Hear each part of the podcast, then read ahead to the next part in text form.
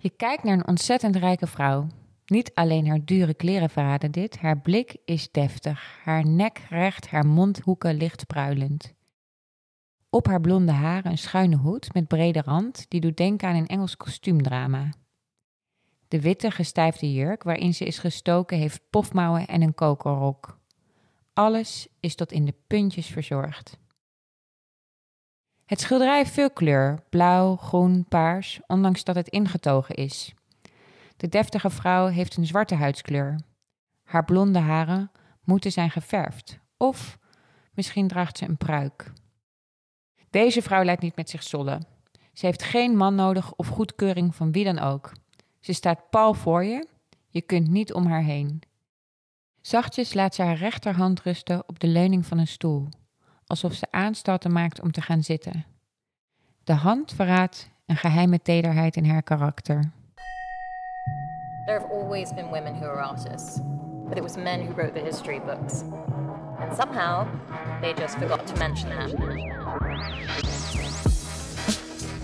Welkom bij Naakt op een kleedje, de podcast waar we altijd praten over één kunstwerk. Ik ben Heske ten Katen. En ik ben Yukiko. En vandaag zitten we tegenover Noralie Beijer om inderdaad te praten over één kunstwerk. Velen van ons kennen jou als voormalig nieuwslezer van het NOS-journaal, waar je van 1985 tot 2008 werkte.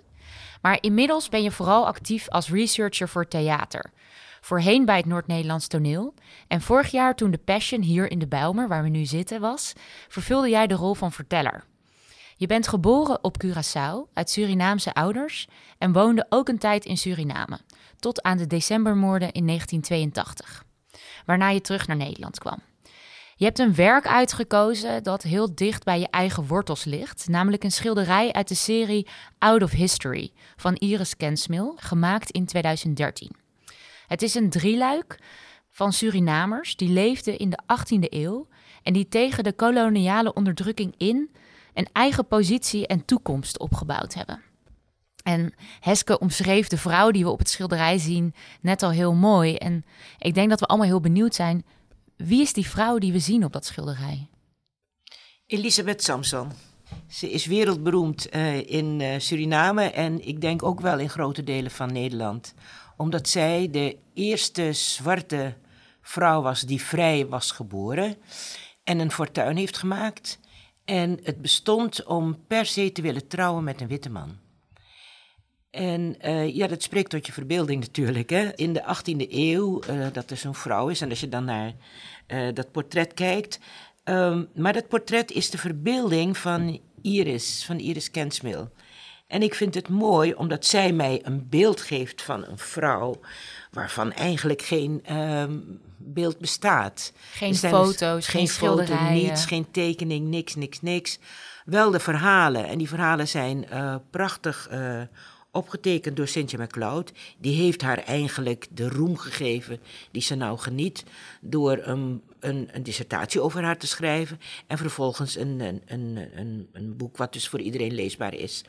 En dat is dus de eerste vrije zwarte, de eerste vrije negerin van Suriname, Elisabeth Samson.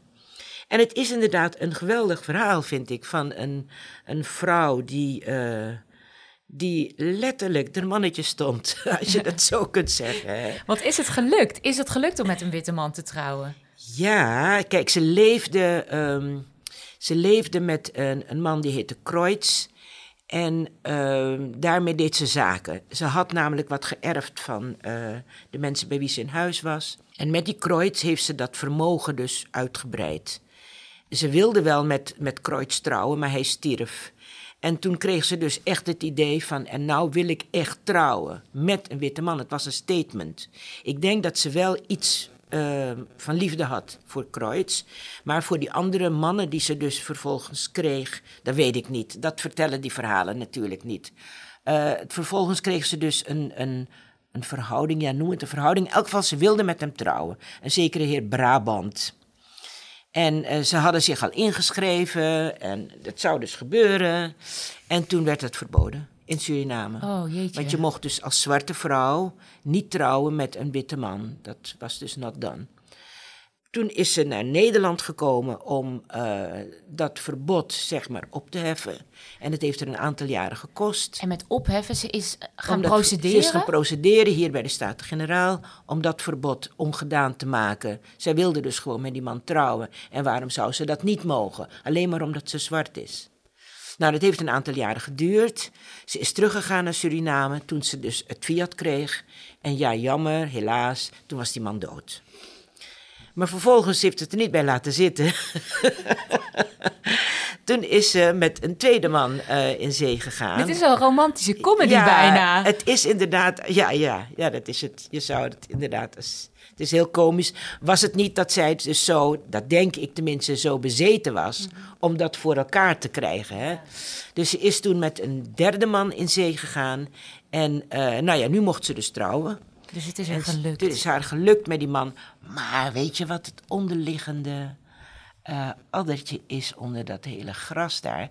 Dat is dat um, Nederland uiteindelijk heeft gezegd van oké. Okay, uh, met de gedachte, maar dit is een hele valse gedachte achteraf.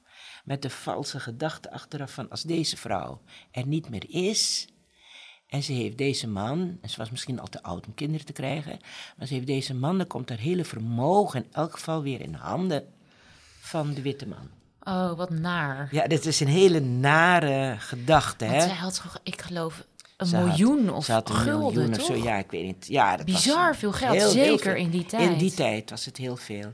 Dus haar bezit is inderdaad bij haar overlijden ten goede gekomen aan deze man.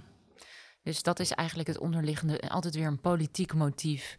En want op, de, op het schilderij, dat vond ik zo opvallend. Het is een zwarte vrouw, ze ziet er heel statig gekleed uit.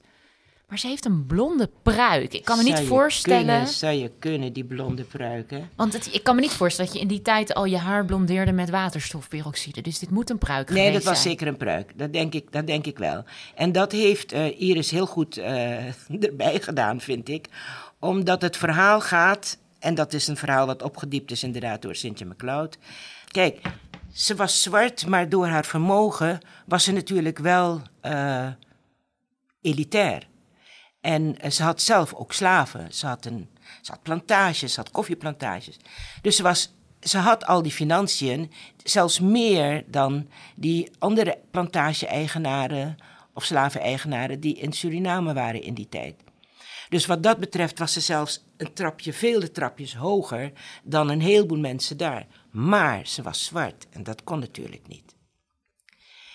Dus ehm, ze werd dan wel uitgenodigd op ehm, ja, ontvangsten, recepties van de, van de gouverneur en eh, van de gouverneur-generaal in die tijd. Of van al die andere hoge mensen die daar eh, rondliepen. En die hun dagen heel eh, mooi doorbrachten met een, een borrel en dies meer. Ehm, en dat vond zij, denk ik, maar dan ga ik zelf fantaseren. Dan vond ze natuurlijk dat ze daar natuurlijk naartoe moest. Ja, en terecht. Ja, ze kreeg die uitnodiging. Dus daar ging ze. En om niet, en dan ga ik weer fantaseren, om niet helemaal op te vallen, deed ze dan een witte pruik op. Of ze deed het om de draak met die mensen te steken. Dat kan je ook bedenken, dat weet ik niet. Maar in elk geval, eh, het verhaal gaat, dus dat heeft Cynthia verteld, dat ze op zo'n bijeenkomst van de gouverneur-generaal, dat ze dus, eh, op zo'n receptie, dat ze dus is gegaan eh, met een witte pruik op. En, en natuurlijk verder is ze gekleed, zo, ze zou gekleed kunnen zijn zoals Iris haar heeft uitgebeeld op dit schilderij. Is echt een poging om erbij te horen. Een witte man willen hebben, Ja, een blonde precies, Begrijp je dat? Dat erbij Eh, willen horen op die manier. Eh, ja, ik begrijp het wel. In die zin dat ehm, je alles hebt. eh, maar dat is echt dus meer materieel gezien. Je hebt alles ehm, waardoor je echt heel goed mee kan draaien in die maatschappij. En waar heel veel mensen ook gebruik maken van jouw diensten. Dus daar ook van afhankelijk zijn. Dus je wil meetellen. Ja, dat je dan zoveel mogelijk gaat doen. Misschien ga je alles doen om er dan ook bij te horen. Dus ik kan me daar iets bij indenken. En dan denk ik natuurlijk, ga ik natuurlijk, natuurlijk direct bij mezelf na. Heb ik dat ooit willen doen of gedaan? Ja, ik was daar benieuwd naar, want ik kan me Ja. ook wel voorstellen dat de NOS in de jaren tachtig en nou ja, misschien zelfs nog steeds niet echt een afspiegeling is en was van de maatschappij qua medewerkersbestand. Heb je het gevoel gehad dat je daar zelf er, erbij moest horen? Hoorde je er gewoon direct bij? Hoe was dat? Ehm, ja, dat is een, dan moet ik heel genuanceerd gaan, gaan denken en gaan praten natuurlijk. Want het was niet zo dat ik me daar niet thuis voelde. Want ik wilde dat werk gewoon graag doen. En ik had dat werk ook al gedaan in Suriname. Dus het werk op zich was voor mij helemaal niet onbekend. Ehm, kijk, toen ik daar kwam, was het wel zo dat mensen die ik zelf hoog had zitten, witte mensen, die zeiden tegen mij van nou, toen we je zagen, hè, voor het eerst, toen zeiden we wel tegen elkaar van nou ja, moet dat nou? En dat vond ik dus wel heel erg. Om ik dat krijg te daar horen. wel een beetje een stomp van in mijn buik. Ja, dat vond ik dus ook heel erg. Vooral omdat het mensen waren die ik hoog had zitten. Ja. En eh, dus in mijn werkomgeving. En ja, ja, moet het nou? En toen heb ik op een gegeven moment bedacht, als ze dat tegen me zeiden, zeiden ja, ja, dat moet. En daar was ik klaar mee. Als jij vindt van, als jij vragen gaat stellen van, hoezo die vrouw, en ze praat helemaal niet goed Nederlands, want dat is ook zoiets. Mensen hebben het idee, eh, dit is een slag in de, in de ruimte nou, hè, maar het, dat zijn vooroordelen die je plakt op iemand die er anders uitziet dan jij. Dus een zwart iemand die kan nooit goed Nederlands praten. Maar dat heeft ook met onwetendheid te maken. Dat mensen niet weten dat Suriname en Curaçao en die andere Nederlandse Antillen... dat die dus gewoon producten zijn van Nederland. En dat wij, ik, Nederland is, Nederlands is mij met de paplepel ingegooid. Dus ik praat Nederlands vanaf ik, uit, eh, vanaf ik geboren ben. Maar dat, als je dat niet weet en je ziet mij en je denkt van nou, ik heb alleen maar zwarte mensen gezien die eh, eh, als missiekindje of heel zielig, weet je, met, eh, met dikke buikjes en zo. En nou staat er opeens zo'n vrouw voor me. Ja, ik doe nou even heel simplistisch. Hè. En dan zeggen ze, ja, hoe kan het dat die Nederlands praat? Dat kan niet. Dus al praat ik Nederlands, dan zit het in hun hoofd. Die kan geen Nederlands praten. En als ze het doet, dan doet ze het anders. In elk geval, maar dan doet ze het ook fout. In elk geval geen ABN. Dus daar moest ik ook wel mee dealen. Weet je, dat mensen vonden van ik kan de V niet uitspreken, die verwar je met de F en de S en de Z en zo. Nou, dus toen ik wegging heb ik een, eh, heb ik een, heb ik, eh, een afscheidsbrief eh, geschreven en ik eindigde dus van en nu ga ik echt zien hoe de zon in de zee zal zakken. Nou, wat goed. Een koekje van eigen deeg Ja. teruggegeven. Ja, dat erbij horen of het, het emanciperen van mensen, inclusief denken... eh, dat is eigenlijk het centrale thema in het werk van de kunstenaar van dit schilderij, Iris Kensmil. Laten we heel even luisteren naar wie zij is. Iris Kensmil is een Nederlandse kunstenaar van Surinaamse afkomst. Ze werd geboren in 1970 en in 1996 studeert ze af aan de Kunstacademie in Groningen. Dit jaar vertegenwoordigde ze Nederland op de Biennale in Venetië samen met de kunstenaar Remy Jongerman. Voor haar werk gebruikt ze verwaarloosde verhalen uit de geschiedenis die werden uitgesloten op bijvoorbeeld scholen en in onderwijsmethoden. Kensmil gebruikt haar kunstenaarschap om verandering te brengen in de manier waarop we kijken naar de geschiedenis, identiteit en tradities. Haar schilderijen maken belangrijke kanttekeningen bij de verhalen die ons zijn geleerd en plaatst nieuwe personages naast historische rolmodellen die alom bekend zijn. Ze geeft mensen die niet voldoende zijn gekend letterlijk een gezicht. Kensmil portretteert veelal mensen van kleur die niet voorkomen in Nederlandse geschiedenisboeken. Althans, ik leerde eigenlijk amper over hen op school, ook niet over mevrouw Samson, waar we het nu net over hebben gehad. Hoe kijk jij naar het herschrijven van die, van die geschiedenis? We kennen zoveel verhalen, maar ze staan niet in die boeken. Hoe moeten ze in die boeken komen? Nou, daar doet Iris natuurlijk heel erg haar best voor.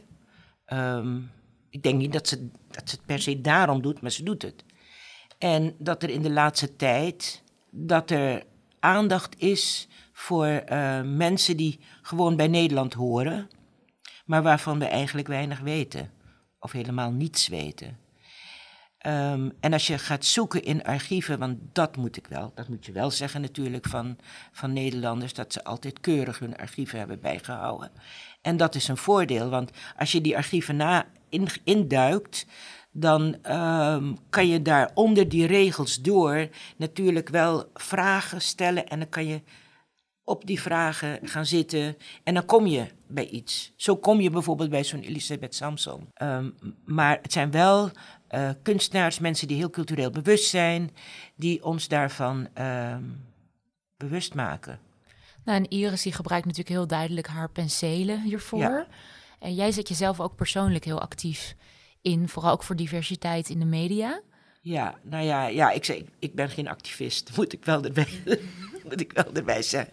Maar ik, uh, ik draag het wel uit als het kan. En kijk, wat Iris doet om op haar terug te komen, dat vind ik echt geweldig. Zij ontsluit um, hele grote archieven eigenlijk waarvan ik ook niets wist. Ik had nooit gehoord van de vrouwen bijvoorbeeld die ze heeft geportretteerd op de Biennale in Venetië. Dat is ook dat is Die utopisten. Ja, ja, activisten ook, ja. feministen, uh, uh, mensen die echt gestreden hebben voor, uh, voor mensenrechten. Um, ik was in Venetië en op een gegeven moment twee keer geweest. En de tweede keer toen ik daar was, toen uh, stond ik daar en ik stond daar een beetje te kijken. En toen kwamen er op een gegeven moment, voordat ik er erg in had, stond er een, een, een, een gezelschap aan mijn kant. En die vroegen mij wat dat allemaal te betekenen had. En voordat ik er erg in had, begon ik dus te vertellen over Iris en wat ze dus allemaal uh, wilde doen met deze portretten. Dat is ons bewust maken van um, ja, van de, uh, de kracht die deze vrouwen hebben en hebben gehad als ze niet meer leven, om iedereen ervan bewust te maken dat je, uh, ja, hoe noem het maar, dat je gelijk bent aan elkaar. Dat je dus geen onderscheid mag maken omdat jij zwart bent en ik wit. Of geel of bruin of wat dan ook. Kijk, zij zeiden van ja, waarom staan er geen namen bij die, uh, bij die portretten? Hè? Maar dat heeft Iris met opzet gedaan. Het is wel een, een, een kunstenaar. Dus maar het moment dat je je gaat afvragen van, my god, wie is dat? Dan ga je al zoeken. Weet je, dan wil je een antwoord hebben. En dat vind ik het begin van alle, um, ja, alle kennis die je opdoet en die je nodig hebt. En dan ga ik iets heel, om een beter mens te worden, zeg maar om de wereld beter te kunnen begrijpen. Niet dat dat altijd lukt, maar dan ben je in elk geval, neem je stapjes daartoe. En dat vind ik, ja, dat, dat bewonder ik dus zeer in uh, dat, wat kunst vermag in deze. Verfrist, voelde jij je ook direct verfrist toen je dit werk voor het eerst zag? Ja, om terug te gaan naar die Elisabeth Samson. Ja, dat vond ik echt. Dat zag ik dus voor het eerst in het Amsterdam Museum. En dat was gemaakt in opdracht van het Amsterdam Museum. Uh, ter gelegenheid van 150 jaar afschaffing van de slavernij in 2013. En het is een vrij groot uh, werk. Hè. Het is een drieluik van drie, drie mensen, waarvan Elisabeth Samson dan één is. En dan is er nog een vrouw, uh, Wilhelmina Kelderman. Dat is ook zo'n vrouw die vrijheid heeft bevochten voor haar zoon. En dat wist ik, wist ik nooit van die vrouw gehoord. En een, een, een, een man is erbij, en dat was dan de eerste man die, uh, een, een, een Maron, die dus de, uh, de vrijheid heeft beklonken, zijn vrijheid, van, het vrijheid van hem en van zijn, van zijn stam, van zijn mensen, uh, met de Nederlanders toen. Um, toen ik dat zag, dacht ik, wauw. Ja, ik had nog nooit, ja, Lise Bezand wel, maar van die twee anderen had ik nog nooit gehoord. Maar ik dacht wel van, kijk, uh, jij geeft deze mensen een gezicht. En dat, uh, dat doet mij heel veel. Weet je, uh, want niemand weet hoe Wilhelmina Kelderman eruit heeft gezien. En niemand weet hoe Elisabeth Samson eruit heeft gezien. Maar Iris heeft dus geprobeerd om ze een gezicht te geven, waardoor ze dichter bij ons komen. En je gaat je afvragen, wie zijn dat? En je voelt je verwant op een of andere manier met hun. Natuurlijk doordat ze dezelfde kleur hebben als ik, dus ik voel me verwant. Maar ze komen uit Suriname, daar heb ik natuurlijk ook een hele grote band mee. En het is een geschiedenis die niet alleen Suriname of mij aangaat, maar het is een geschiedenis die, die uh, Nederland aangaat. Het is een geschiedenis van ons beiden. En dat vond ik dus heel mooi om dat te zien daar, in, uh, dat ze dat had gedaan. Toen ter gelegenheid van die afschaffing van de slavernij 150 jaar geleden. En nu heeft het Amsterdam Museum die drie luik dus opgekocht. Dus iedereen kan het nou altijd zien. De cirkel zien. is rond. Ja. We, we, zien nu heel erg een, een, een opleving, hè? een interesse in, uh, in alle onderwerpen eigenlijk die we net besproken hebben. Hoe zie je dat nu terug in de instellingen? Er is een opleving gaande, uh, als ik een, een, datum, vanaf 2013 zie je dat er dus meer en meer aandacht is voor de gedeelde geschiedenis van Nederland en de, de vroegere kolonie, met name Suriname en de Antillen. En het heeft nu, is het een soort apotheose geworden in de grote Suriname tentoonstelling in de Nieuwe Kerk in Amsterdam. Dat is een hele prestigieuze, ambitieuze plek voor tentoonstellingen. Um, dat heeft weer een spin-off gehad in een tentoonstelling in het Museum van Loon. En om die twee dingen naast elkaar te zien, dat is heel interessant.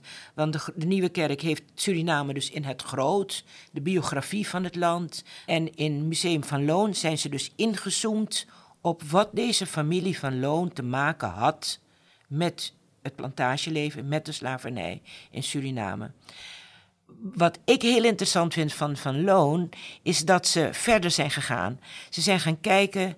Er moeten nazaten zijn van Van Loon, ja natuurlijk. Maar er moeten ook nazaten zijn van mensen die op die plantages hebben geleefd, geboren. Uh, die Van Loon in eigendom had, of tenminste waar Van Loon een aandeel in had. Um, maar het interessante is dat er dus nazaten zijn. Ja, die zijn er als je ze gaat zoeken. En dat ze een verhaal hebben. En het verhaal kan zijn van ja, dat heb ik altijd geweten, maar we hebben er nooit iets mee gedaan. Of hé, hey, dat wist ik niet. Dat wij daar die planta dat mijn voorouders op die plantage hebben gewerkt als slaven. Of als eigenaar. Want die zijn er ook. Er zijn ook mensen die dus als eigenaar nazaten. En die weten helemaal niet dat die voorouders daar een plantage hebben gehad. Of dat ze daar geld in hebben geïnvesteerd. En dan raken ze door die toenemende aandacht voor uh, de vroegere kolonie van Suriname, raken ze dus wel geïnteresseerd in hun eigen verleden. Dan kan je de vraag stellen die ik ook altijd stel: van ja, wat heb je eraan? wat heb je eraan om te weten dat je voorouders, um, uh, oftewel een plantage-eigenaar waren, oftewel geïnvesteerd hebben in die slavenhandel? Oftewel dat mijn voorouders op die plantages hebben gewerkt. Of in die, in die huizen bij die uh, slaveneigenaren. Wat heb ik daaraan? Ik heb er zelf heel veel aan. Want ik vind dat je. Het zijn mijn voorouders. En het is heel simpel. Zonder die voorouders was ik er niet. Zonder jouw ouders en je grootouders, dan was jij er ook niet. Dus ik ben die mensen dankbaar dat ik er ben. En ik wil dan ook zoveel mogelijk als kan van ze weten. Wie waren ze? En, uh, en dan denk ik van, als mijn voorouders echt hebben moeten zwoegen als huisslaaf of als een veldslaaf, um, zou je mij kunnen horen uh, wat er van mij geworden is. En ben je dan niet blij? En ben je dan niet trots dat door dat harde zwoegen van jou, weet je, kijk, we zijn er nog steeds. Het is een mooie, uh, mooie clip van uh, Typhoon. Hij zegt, zingt, wij zijn er. We zijn er nog steeds, ondanks, of juist misschien dankzij, hoe je het wilt zien, die arbeid van onze voorouders. Dus dat vind ik belangrijk om dat zelf te weten en om dat door te geven aan mijn kinderen, dus aan mijn nageslacht. Je moet weten waar je vandaan komt. Wat mooi, wat een mooi advies. Ken je eigen geschiedenis. Ja, je moet je eigen geschiedenis kennen om jezelf beter te leren kennen. En dan ook om een idee te hebben uh, wat je morgen wil doen. Of wat je met je toekomst wil doen. Ja. Dankjewel, Noralie. Ja. Dankjewel, Noralie, voor dit gesprek. Vind je onze podcast interessant? Help ons dan door je te abonneren op Naakt op een kleedje in je favoriete podcast-app en geef ons daar een review. Dit programma wordt gemaakt door Yukiko en mijzelf, Heske ten Katen. Misha Melita is de editor, Gijs Knol en Tom Hofland hebben de leader gemaakt. De eindredactie ligt in de handen van VPRO Nooit meer slapen, Inge Terschuren en Paula van den Elsen.